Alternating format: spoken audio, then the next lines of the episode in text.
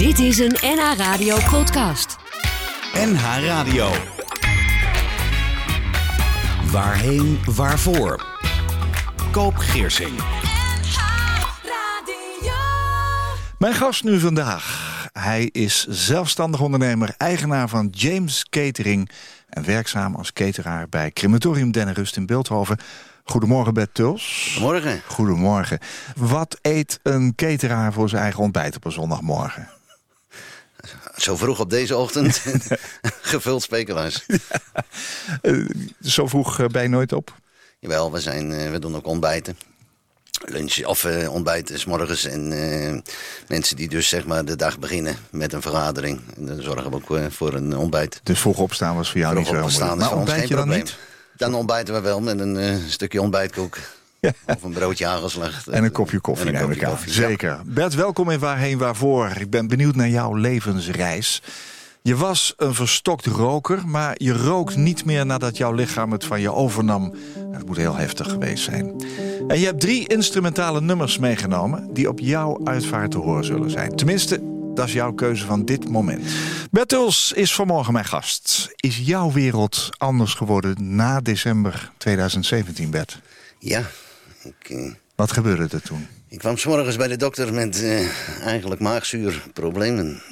Je voelde je niet lekker. Ik voelde me niet eh, echt, nou ja, nee, veel maagzuur. En de dokter zei, ik maak ook even een hartfilmpje. En wat bleek, ik had een hartinfarct Op dat moment? op dat moment. Jeetje. Dus er werd een ziekenwagen voor mij gereserveerd. En ik werd afgevoerd naar het ziekenhuis. En daar bleek dus dat ik een vernauwing had in de aderen. Had je klachten voor die tijd? Nee, niet dat ik weet. Dat denk ik dan. Maar er waren wel klachten natuurlijk. Met terugwerkende kracht of zo? Ja, als je dan nu terugkijkt, dan zeg ik, ik was wel wat kortademig, eh, enzovoort, enzovoort. Maar goed, eh, ik was, stond daar niet bij stil dat dat het verhaal was. Ik dacht maagzuur, rennie of een ander tabletje. Maar geen infarct. En, eh, nou ja, twee dagen later eh, ben ik gedotterd. Weet jij nog ehm, wat je dacht toen je in die ziekenwagen lag? Nou, toen dacht ik wel, ik wil nog niet afscheid nemen van het leven. Dus dan laat je wel eh, het leven passeren. En dan heb je wel zoiets van, nee, dit wil ik niet. Ik heb jonge kinderen, die wil ik op zien groeien. Dus dat was wel de reden dat ik zeg van, een ander leven. En dat heb ik nu. En, en wat is er veranderd in je leven sinds dat moment? Ik ben eh, gestopt met roken. Oh, dat was dat, was dat een, een boosdoener? Dat was een van de boosdoeners. Tenminste, volgens de dokter en volgens mezelf. Nee, ik ben op dat moment ben ik in het ziekenhuis gekomen. En toen heb ik gezegd, dit is de laatste sigaret geweest die ik gerookt heb. En ja, ik ben nu zowat een jaar verder. En dat is inderdaad nog steeds zo. Ja, maar dat gebeurde in december, hè, vorig Ja, jaar. ja. Op 3 december werd jij gedotterd. Dat kan ik mij herinneren, omdat ik jarig ben op die dag. Dus ik, dat koppel ik daaraan. Ehm, in die ziekenauto kwam je dus eigenlijk heel dicht bij eh, het einde van je leven terecht. Ja, ik, ik heb ook het, Heel eh, serieus. het verhaal was met de ziekenwagenbroeder... dat normaal gesproken dat ik te brancard rijd. En niet dat ik erop lag. En nu lag ik er zelf op. Ja, want jij komt uit de uitvaartwereld, gaan we het zo meteen wel even hebben, eh, Ja. over hebben. Je bent cateraar, dat is een beroep waarbij je eigenlijk altijd maar bezig bent. Eh, jij catert op een crematorium, eh, zeg Ja. maar een aantal dagen per week. En daarnaast heb je je eigen bedrijf, waarbij er soms vijf uitvaarten per dag gecaterd moeten worden. Dat is dus van s morgens vroeg tot s avonds laat werken. Roken er tussendoor, stress, spanning. Ja, ja. En dan op een gegeven moment krijg je een klap, lig je in een ziekenauto. En dan, Sta je leven stil. dan staat je leven dus stil. Ja. Dat moet wel een hele heftige ervaring zijn ook. Ja, het- je ondergaat het. Dus het gebeurt je, eh, zeker in mijn geval. eh, ik, ik, ik was op dat moment niet eh, me bewust dat het zo was. Dus het overviel mij. Het was van, u heeft een infarct. En ja, ik lag samen met mijn dochter lag ik op zaal. En toen zei ik tegen mijn dochter, ik hoop wel dat het zo is. Samen met je dochter. Mijn, mijn dochter is met me meegegaan Nicky. naar het ziekenhuis. Ja. Mijn dochter Claudine, die is Oh, Claudine, verpleegkundige. En die is meegegaan en eh, wij moesten dus wachten op bloeduitslagen. En wij hadden samen zoiets van, ja, maar straks is het niet zo. En dan hebben ze nog niks aan mijn maagzuur gedaan. Maar het was wel zo. Want ik had er niet Oh, je ontkende het nog, eigenlijk. Dat was ook nog een, eh, stukje, ja. Ja. Hey, eh, wat heeft het met jouw gezin gedaan? Nou, mijn gezin is eh, in eerste instantie natuurlijk eh, wel wat angstiger geworden in het feit van waar is pa? Hè? Want eh, normaal dan was ik de vlierenfluiter en was ik eh, hier en daar. En, en nu werd ik toch een beetje gecontroleerd natuurlijk. En ja, eh, men realiseerde zich allemaal van het kan ook anders. Ja. Hebben jullie het daar ook over gehad toen je weer terugkwam uit het ziekenhuis? Ja, ja, ja, ja, ja. En eh, het is eh, en nog wel, hè, het, wordt nog wel benoemd en gedaan. Maar, maar hoe liep zo'n gesprek dan bijvoorbeeld? Eh, hoe liep zo'n gesprek? Nou, het, dat het... hoe zal ik het netjes zeggen? Men realiseerde zich dat het ook anders kan... en dat je dus geen vader meer hebt. En dan is het natuurlijk... eh, kijk, pa was ziek en ik was nooit ziek. Je was altijd aan het werk, Ja. altijd eh, driftig meedoen. En nu was ik in één keer lag ik in dat ziekenhuisbed... met Ja. alle toeters en Je bellen. kon ook niks meer, toch? En dat was niet, eh, nee, dat was niet eh, zoals ze het verwachten. Nee. Hoe reageerde jouw andere omgeving, jouw zakelijke omgeving? Nou, die hebben het ook niet zo heel veel meegekregen in het begin. Want in het begin ging ik gewoon weer door. Maar nadat ik gedotterd ben, ben ik eigenlijk al vrij vlot weer uit het ziekenhuis gekomen. Dus ik ben eigenlijk maar uit het arbeidsproces misschien een dag of drie, vier, vijf geweest. En toen liep ik alweer op de vloer. Wat natuurlijk best wel snel was. Maar daarna ging men zich realiseren van... hé, hey, dat is wel gebeurd. Ja. Ja, want je moet je natuurlijk wel realiseren dat je dan niet op dezelfde manier verder kunt gaan. Alleen stoppen met roken lijkt me niet voldoende, toch? Nee, maar je wordt ook eh, in je gedachtegangen... eh, je wordt wat makkelijker. Eh, waar ik vroeger langer over nadacht... doe ik dus nu niet meer. En zegt mijn omgeving ook... pap, je bent wat directer. En ook mijn partner... die vindt dat ik directer geworden ben. Brigitte, ze is ook in de studio. Goedemorgen, Brigitte. Welkom, ook maar meegekomen op dit vroege tijdstip. Ja, de, de- de- directer in de zin van eh, reacties op vragen of opmerkingen? Reacties, eh, dingen die ik toch wat makkelijker... eh, ook van me af laat, laat glijden. En ook wel dingen waar ik wat sneller reactie op geef... Ja, wat ik vroeger niet deed. nee. Dus met andere woorden, vroeger was ik een binnenvetter. En nu ben ik iets meer. Je zou kunnen zeggen dat het ook karakterologisch nog iets teweeg gebracht heeft. Ja, Je, sowieso. open- je staat meer open misschien. Ja, ik ben emotioneler. En dat blijkt dus door de infarct te komen. En mijn dochter zei eh, op een gegeven moment... pap, ik heb je nog nooit zien huilen. En dat was natuurlijk zo. Ja. En op een gegeven moment huil je. Ja. En dat is natuurlijk ook wel de emotie die het met zich meebrengt. Ja. Ja. Ik ben heel benieuwd hoe je dat nieuwe leven in je werk hebt ingepast. Ik heb ook aan jou gevraagd, eh, met een achtergrond in de uitvaart...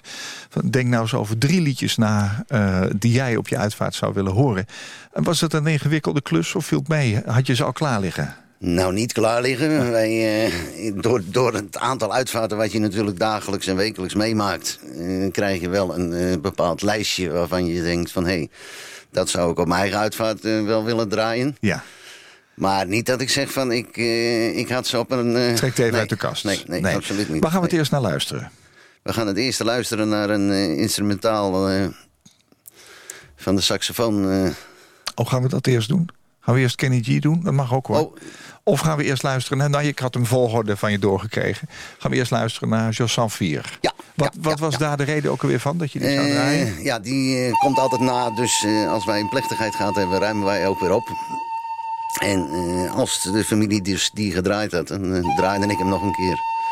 En dan eh, onder het opruimen. Je houdt van instrumentaal, hè? Ik hou van instrumentaal, ja. Waarom ook alweer? Bij een Omdat je dan je eigen gedachten de loop kunnen laten. Gaan we even luisteren.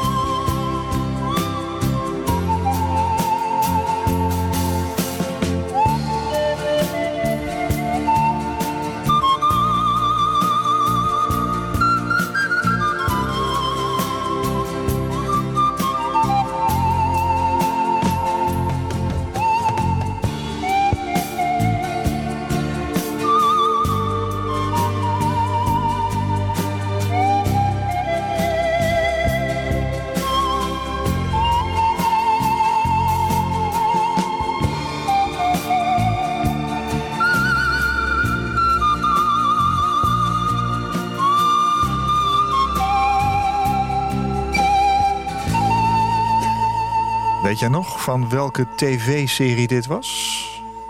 De Verlaten Mijn. Inderdaad. Eenzame Heerte. Georges Samphir, de panfluitist... met het eh, fantastische orkest van James Last. Bertels, mijn gast vandaag. Goh, je hebt wat meegemaakt. December 2017, toen ging het mis met je, met je lichaam. Bleek je een, uh, ja, een, een, infarct te hebben. En je hebt zojuist verteld dat je daar zelfs uh, karakterologisch een beetje van veranderd bent. Hè? De emotie ja, komt ja, wat meer ja, terug. Je bent cateraar en je hebt een familiebedrijf. Jouw vrouw en twee van je kinderen die werken in het bedrijf. Je was dus gewend aan lange dagen werken. Hoe heb je je nieuwe leven weten in te passen in je nieuwe situatie? Je bent al gestopt met roken, maar... De rest... gestopt met roken, dus je hebt, je hebt, meer tijd om te werken. dus dat is ook oh, dat scheelt ook een hoop. Ja, dus dat scheelt ook een hoop. Geen pauzes meer. Nee, geen pauzes meer. Dat mis je wel, dat stukje, nee. Gekheid. Maar nee, eh, hoe heb ik mijn leven ingedeeld? Uh, mijn kinderen zijn uh, inmiddels in het bedrijf werkzaam. Je hebt je bedrijf veranderd ook, Ik hè? heb mijn bedrijf veranderd, ik heb mijn bedrijfsvoering veranderd. mijn zoon, dochter, en natuurlijk mijn vrouw Brigitte, die werken met, met ons mee. Ja, die zijn mede-eigenaar geworden. Die hebben we ook mede-eigenaar ge gemaakt. En wij werken dus nu met z'n vieren. En ik doe het stukje keuken, zeg maar, ook op crematoria enzovoort enzovoort. En uh, de dames, Brigitte en Nicky, die doen natuurlijk uh, de uh, bediening... maar ook het opbouwen, afbreken op begraafplaatsen, kerken, woningen, bij mensen thuis. Dus wij doen zeg maar het hele pakket, inclusief meubilair, tafelstoelen...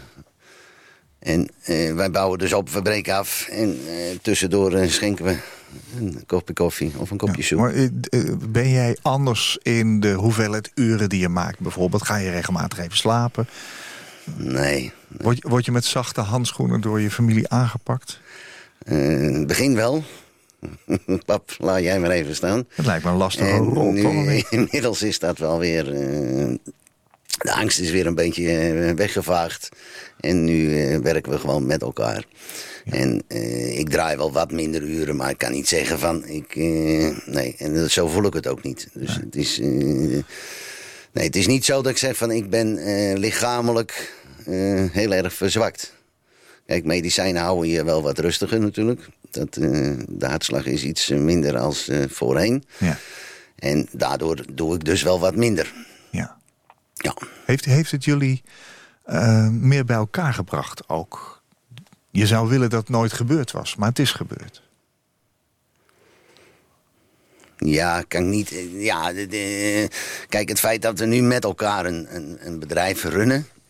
Komt daardoor. En de manier waarop we het uh, met elkaar doen. Ik denk wel dat dat een mede-oorzaak is. Ja. Nou ja, je rookt niet meer, dat is een voordeel toch? We roken niet meer. Dat scheelt ook geld. We hebben geen staptober. Maar... Je werkt uh, in de uitvaartbranche eigenlijk al een hele tijd. Uh, hoe is dat destijds gegaan? Waarom kom je in de uitvaartbranche terecht? Nou, dat was eigenlijk... Uh, wij deden catering. En in de catering... In wij deden catering? Wie, wie waren dat? ik deed, deed dat samen met mijn vrouw. En wij deden partycatering. En de partycatering was in 2000, 2002... was niet uh, economisch gezien uh, de beste jaren van de horeca. Door het overlijden eigenlijk zeg maar van mijn vader... later van mijn schoonmoeder... wij hadden... mijn vader is tien jaar lang dement geweest. Dus tien jaar lang hebben wij met elkaar, familie... mijn zuster, mijn broer, mijn moeder... mijn vader verzorgd. Mantelzorg. Mantelzorgen. Ja. Waardoor mijn vader dus thuis kon blijven. Uh, dus voor ons was eigenlijk het verzorgen van een overledene geen probleem. Dus toen mijn vader overleed, hebben wij mijn vader verzorgd, gekleed. Dus mijn vader lag keurig netjes in zijn pak. Pouchetje, stropje om. En daar kwam de uitvaartondernemer en die zei van... joh, als je werken wil, er is altijd werk. Maar ik was cateraar en niet uitvaartverzorger. Twee maanden later overleed mijn schoonmoeder, veel jonger. En ook die hebben we weer zelf verzorgd en gekleed. En ook daar kwam we dezelfde wat ondernemen weer. En weer hetzelfde verhaal. Als je werken wil, er is altijd werk. Dus drie maanden later de stoute schoen aangetrokken. Ondernemer gebeld. En ja, eigenlijk smiddags begonnen en nooit meer weggegaan. Gewoon in de uitvaartbranche als verzorger ook? Als verzorger, chauffeur, uh, rouwbezoeken enzovoort, enzovoort. Dus Alles eigenlijk gedaan. het complete pakket. Ja. Maar omdat, ik- natuurlijk, omdat wij eh, natuurlijk cateraar waren... konden wij dus ook voor de ondernemer eh, wat betekenen... in de zin van koffie, broodjes, soep, buffetjes. Dus ja, zodoende zijn we eigenlijk, zeg maar... in de uitvaartwereld eh, ja, berucht, beroemd geworden. ja. Waarom ben je van eh, uitvaart, of van overledene verzorger en, en, en chauffeur... waarom ben je uit, eh, gaan- werken in die, in die uitvaartcatering specifiek? Was je niet tevreden met wat je zag? Nee, wij hebben diverse keren natuurlijk zelf ook eh, een uitvaart meegemaakt. En eh, ja, de interesse die men had als cateraar in de uitvaartwereld, dat strookte niet met elkaar. En doordat ik in de uitvaartwereld werkte en ook iemand uit het ziekenhuis haalde... en die dan helemaal eh, zeg maar op was en wij maakten daar weer een mens van... eh, door een mooi te kleden, te wassen. En dus je had veel meer feeling met de overledene. En als cateraar, je komt bij iemand binnen en je hebt belangstelling voor de overledene. En je durft ook nog te zeggen van nou, dit zit niet helemaal lekker. Of zullen we er een ander blouseje of een ander jasje aan trekken. Dat voordeel had ik natuurlijk ten opzichte van alle andere cateraars. Ja. Wij hadden geen angst voor de dood. Dus dat, Dat klikt gewoon beter. ja. Ja. Ja. Je hebt eh, eh, tien jaar lang ook eh, je vader verzorgd. Daar gaan we het zo meteen even over hebben. Stappen even weer terug naar jouw muzikale lijst. Ja. Je hebt hem eigenlijk al even aangekondigd. Tenminste, ik heb zijn naam laten vallen. Saxofonist. Waarom Kenny G? Een heerlijk, in mijn optiek, rustgevend stuk muziek.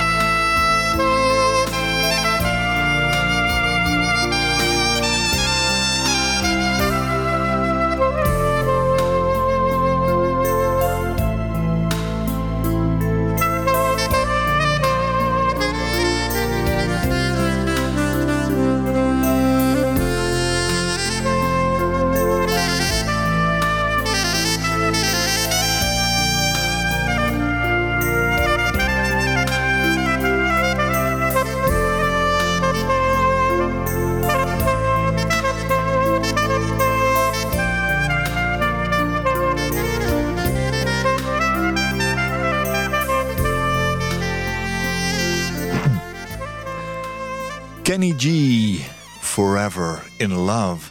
Uh, Kenny G, waar staat die G voor? Die G staat voor Gorlick.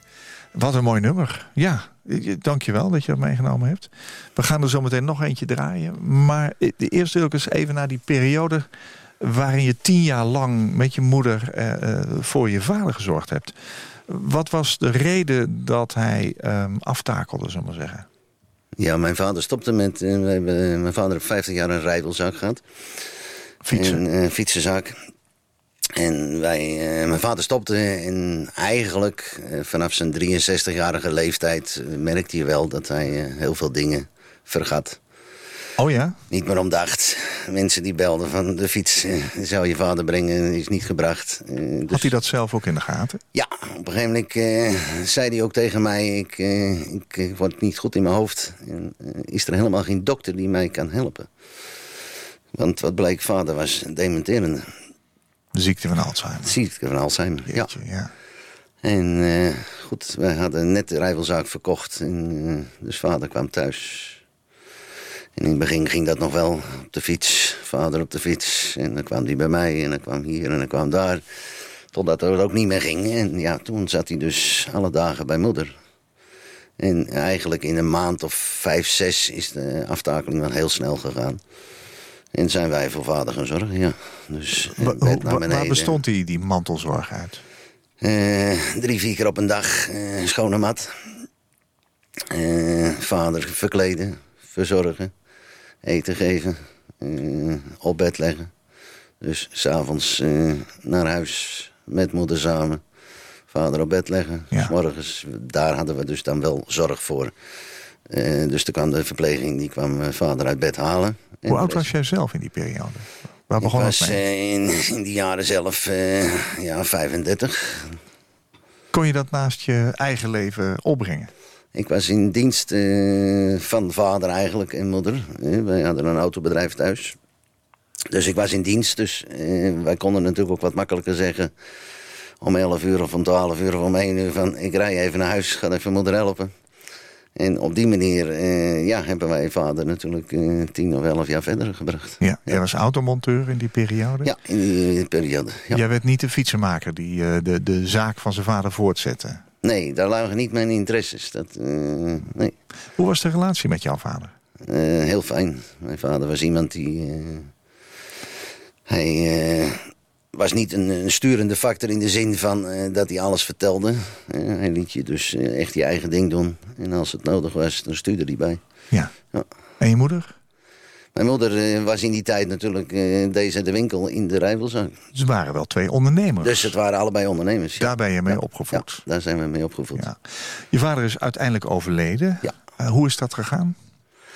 Mijn vader is eigenlijk door zeg maar een bloedprop uh, is hij overleden. Oh ja? hij had een heel dik been. En wij waren er gelukkig bij dat wij... wij zijn nog naar het ziekenhuis geweest en in het ziekenhuis werd ons verteld dat als we hem daar lieten, dat hij zou overlijden. En als we hem mee naar huis namen, dat hij ook zou overlijden. Dus we hebben vader weer meegenomen. En vader is in ons bijzijn gestorven. En van daaruit, dus dat wij hem thuis natuurlijk verzorgd hebben, ja. gekleed hebben. Ja. En kwam ik in aanraking met de uitvaartwereld. Ja. Toen was de cirkel rond. Toen was de cirkel rond. Ja, dus jij hebt uh, uh, je vader uh, in die verzorging zo goed leren kennen. Ook lichamelijk en ook in, in ja, alles wat, wat zeg maar mis kan gaan tijdens een ziekteproces. Ja, er was geen schroom meer. Er was, nee. nee. nee. Ja, je, je, bent er niet voor opgeleid, maar je, ja, je doet aldoende het. doe je het. Ja, ja, Mijn oma zei altijd, als je doet kun je het. Ja, maar daar moet je wel wat voor overwinnen lijkt me. Ja, het is, nou ja later, toen ik in de uitvaartwereld kwam hè, en wij uh, mensen uh, konden verzorgen, dan kwam je met families en dan zei je. wij gaan nu uw vader uitkleden. Hè? Maar misschien heb u uw vader nog nooit bloot gezien. Nee. Of uw moeder. Ja. Dat was voor mij natuurlijk precies hetzelfde. Maar ja. ja. doordat je elf jaar verzorgt... Ja, had ik zoveel met vader gezien. Ja. Dat, voor mij was dat geen, geen, geen probleem meer. Dat is jouw opleiding geweest ook? Dat was mijn opleiding, Maar ook ja. je levensopleiding eigenlijk? Ja, ja je leert daar uh, toch zorgen. Hoe heeft jouw moeder zich staande weten te houden? door ons en doordat eh, mijn moeder eh, heeft zich daar zeer sterk door opgetrokken. En daar vandaan dat ze ook op dit moment nog steeds leeft. En is inmiddels 95. Hoe is het met haar? Ja, is een sterke vrouw. En dat komt ook een beetje natuurlijk omdat ze natuurlijk altijd voor mijn vader... Mijn moeder mocht niet ziek worden. Want als mijn moeder ziek werd, dan zou vader naar een verzorgingshuis moeten. Ja, ze heeft ervoor gevochten om hem thuis te houden. Ja, ja, ja. Is ze na het overlijden van je vader eh, nog weer een beetje gaan opleven? Met andere woorden, heeft ze nog kunnen genieten ook van het feit dat ze geen zorg meer hoefde te geven? Eh, ja en nee. Want voor mijn moeder was de zorg was ook een dingetje Haar waardoor leven. ze... Ja, haar leven. En eh, ze is eh, nog steeds, nogmaals, ze is nog steeds goed. Hè? Ik bedoel, eh, ze doet nog voor haar eigen eten koken. Een beetje rommelen in het huishouden, zou ik maar zeggen. Haar eigen wasje doet ze nog. Maar het is niet meer geworden wat het natuurlijk had kunnen wezen. Als ze samen hadden oud kunnen worden. Want ze was wel gek op hem, hè? Ja, Zullen we aan haar denken bij jouw laatste liedje? ja.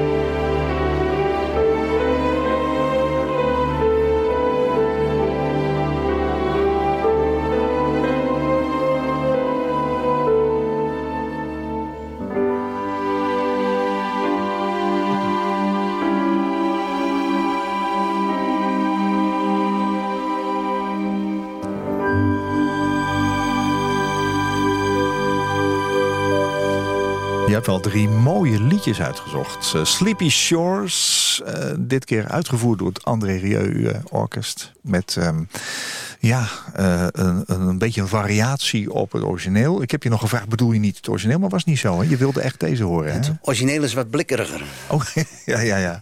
ja. André heeft er meer een orkestband van gemaakt. dus er is meer orkest. Ja. Dus waardoor het nog mooier... is wat breder. Ja, wat Ja. breder. We hebben gedacht aan jouw vader en jouw moeder. Jouw vader die jullie eh, tien jaar lang eh, thuis verzorgd hebben. Jouw moeder die 95 is. Nog haar eigen wasje draait. Wat knap allemaal. Ehm, jij werkt al jaren in die uitvaartbranche. Ik ben even benieuwd hoe jij naar dingen kijkt. Wij komen elkaar natuurlijk wel eens tegen. Hè? Als Ja. ik als uitvaartverzorger ergens ben, dan sta jij daar de catering te doen. Hè? Dat, dat is mooi. Hè? Eh, wat zijn wat jou betreft de grote veranderingen in de uitvaartwereld... als je dat vergelijkt met tien jaar geleden? Eh, mensen zijn eh, meer bezig met het vieren van het leven. En dus na de uitvaart het vieren van het leven. Er zitten wel hele extreem in. Eh, de ene die, eh, die is met bier, wijn, fris, eh, borrelhapjes, luxe hapjes. De andere is Burgondisch, koffietafel. De derde die heeft zoiets van... pa was gek op een broodje kroket, dus allemaal een Ja. broodje kroket. Ja, je ziet wel heel duidelijk, nogmaals, mensen die, die hebben meer de nadruk op van wat vader of moeder of de overledene, eh, waar ze van hielden. Een advocaatje met slagroom. Een jong borreltje, eh, noem het maar op. Petit voertje, Eh, ja. Een petit voertje, Ja. maar ook het normale roomboterkoekje. Wa- Was dat tien jaar geleden echt anders? Was het toen koffie met cake vooral? Ja, toen was ook echt eh, de, de crisis. Die was wel zo dat men, eh, nou ja, cake was al luxe. En eh, toen hebben we een hele periode gehad eh, alleen broodjes. En nu zijn we eigenlijk weer terug op eh, nog wel het hele pakket. Eh, eigenlijk kan het niet gekker. Nee. Jij, jij catert in een eh, crematorium. Ja. Ehm, maar je komt ook heel veel op locaties. En dat zijn natuurlijk niet altijd meer aula's met, met ruimtes waar je even koffie kunt drinken. Hè? Nee, wij hebben ons gespecialiseerd. Wij hebben een keukenwagen waar wij mee eh, kunnen voorrijden. Daar kunnen we in frituren, daar kunnen we overgerechten, daar kunnen we de koffie in zetten. Een rijdende keuken. Wij hebben in principe niks meer nodig. Hè? Dus eh, als er een ruimte is op een begraafplaats of eh, een kerk die geen keuken heeft, dan hebben wij ons eigen spullen bij ons. Ja. Wij komen, wij bouwen op. De plechtigheid begint. Na de plechtigheid hebben we de koffie, de soep, de Gaan, broodjes. gaan steeds meer mensen ook eh, eh, buiten de gebaande paden? Ja. ja, mensen zijn eh, steeds meer... Wij doen ook steeds meer bij mensen thuis. Hè, Van de zomer hebben we natuurlijk een prachtige, eh, mooie zomer gehad. Waar die we- is er nog, toch? Ja, die is er nog. hè. We zouden nog een 26 plechtigheid, graden eh, we zouden nog een plechtigheid beeld, buiten ja. kunnen doen. Maar we doen heel veel plechtigheden in tuinen. Ja. Bij mensen thuis. Mensen gaan begraven, komen terug. Wij zorgen dat we dus klaarstaan met alles erop en eraan. We doen een stukje beveiliging van de woning. Dus eh, ja, wij eh bieden eigenlijk het hele pakket. Dus de hele trend in de, eh, de uitvaartbranche is eigenlijk dat mensen meer het leven vieren, maar dat ook op eigen plekken doen. Ja. Je hoeft niet naar een aula van een crematorium toe te gaan. Je kunt het ook thuis doen. Ja, in hun eigen vertrouwde omgeving. Hè? Dus het is, er staat geen tijdsdruk op. Mensen kunnen net zo lang blijven als ze willen. Ja. Maar ook hoe ze omgaan met hun dierbaren. Dus thuis. Eh, we hebben van de zomer ook gehad. Een meneer in zijn eigen tuinhuis. In de tuin. Ja, heel idyllisch. Opgebaard. Opgebaard. Ja. Mooiheid die. Dus ja, mooi. Eigen omgeving, niks mooiers eigenlijk. Niks hè? mooier. Dat is wel heel fijn. Eh, eh, Nog even één laatste. Hoe wilde jij destijds, eh, toen je van de middelbare school kwam, eh, de wijde wereld ingaan? Eh, Was jouw droom om automonteur te worden? Je dacht waarschijnlijk nog niet dat je ooit in de catering zou gaan. Wat, Nee. wat, wat droomde jij toen? Waar ik van droomde was van Timmerman. Echt hoor? Echt waar. Ja. En vandaar dat ik ook de meubeltjes en de barren en alles wat wij zeg maar eh, aan meubilair hebben, ooit zelf gemaakt hebben. Ja. Maar ik, eh, ik was eigenlijk een geboren timmerman. Totdat mijn vader zei, jochie, daar is niks in te verdienen. Nee. Dus zodoende werd ik geen timmerman, maar werd ik automonteur. En uiteindelijk, ja, Zo kan het Ben leven gaan. kok. Ja, maar je doet nog steeds, eh, zeg maar, eh, qua hobby wel iets met hout. ja, ja. ja, hout blijft, eh, blijft toch wel de hobby. In de zin van, ja, het is een, een natuurlijk product. Ja. Die, die droom is niet vervlogen. Nee, die droom is niet vervlogen. Nee. Ben je gelukkig mens op dit moment? Ik ben een heel gelukkig mens, ja. Je weet wat je waarden in het leven zijn. Ja, en zeker ook de manier waarop ik nu met mijn gezin werkt. Ja, is het heel fijn om, heel prettig. Ja. Fijn dat jullie eh, op deze morgen naar de studio gekomen zijn. eh, Bert en Brigitte, die iets verderop zit. Eh, dank voor je verhaal ook. En ik wens jullie een hele mooie zondag toe. Eens gelijk. Koop Geersing. Als jij een keer te gast wilt zijn in Waarheen Waarvoor... om te vertellen over jouw levensreis, laat me dat dan weten... via waarheenwaarvoor.nhradio.nl waarheenwaarvoor.nhradio.nl Dit was een NH Radio podcast. Voor meer, ga naar nhradio.nl. Radio.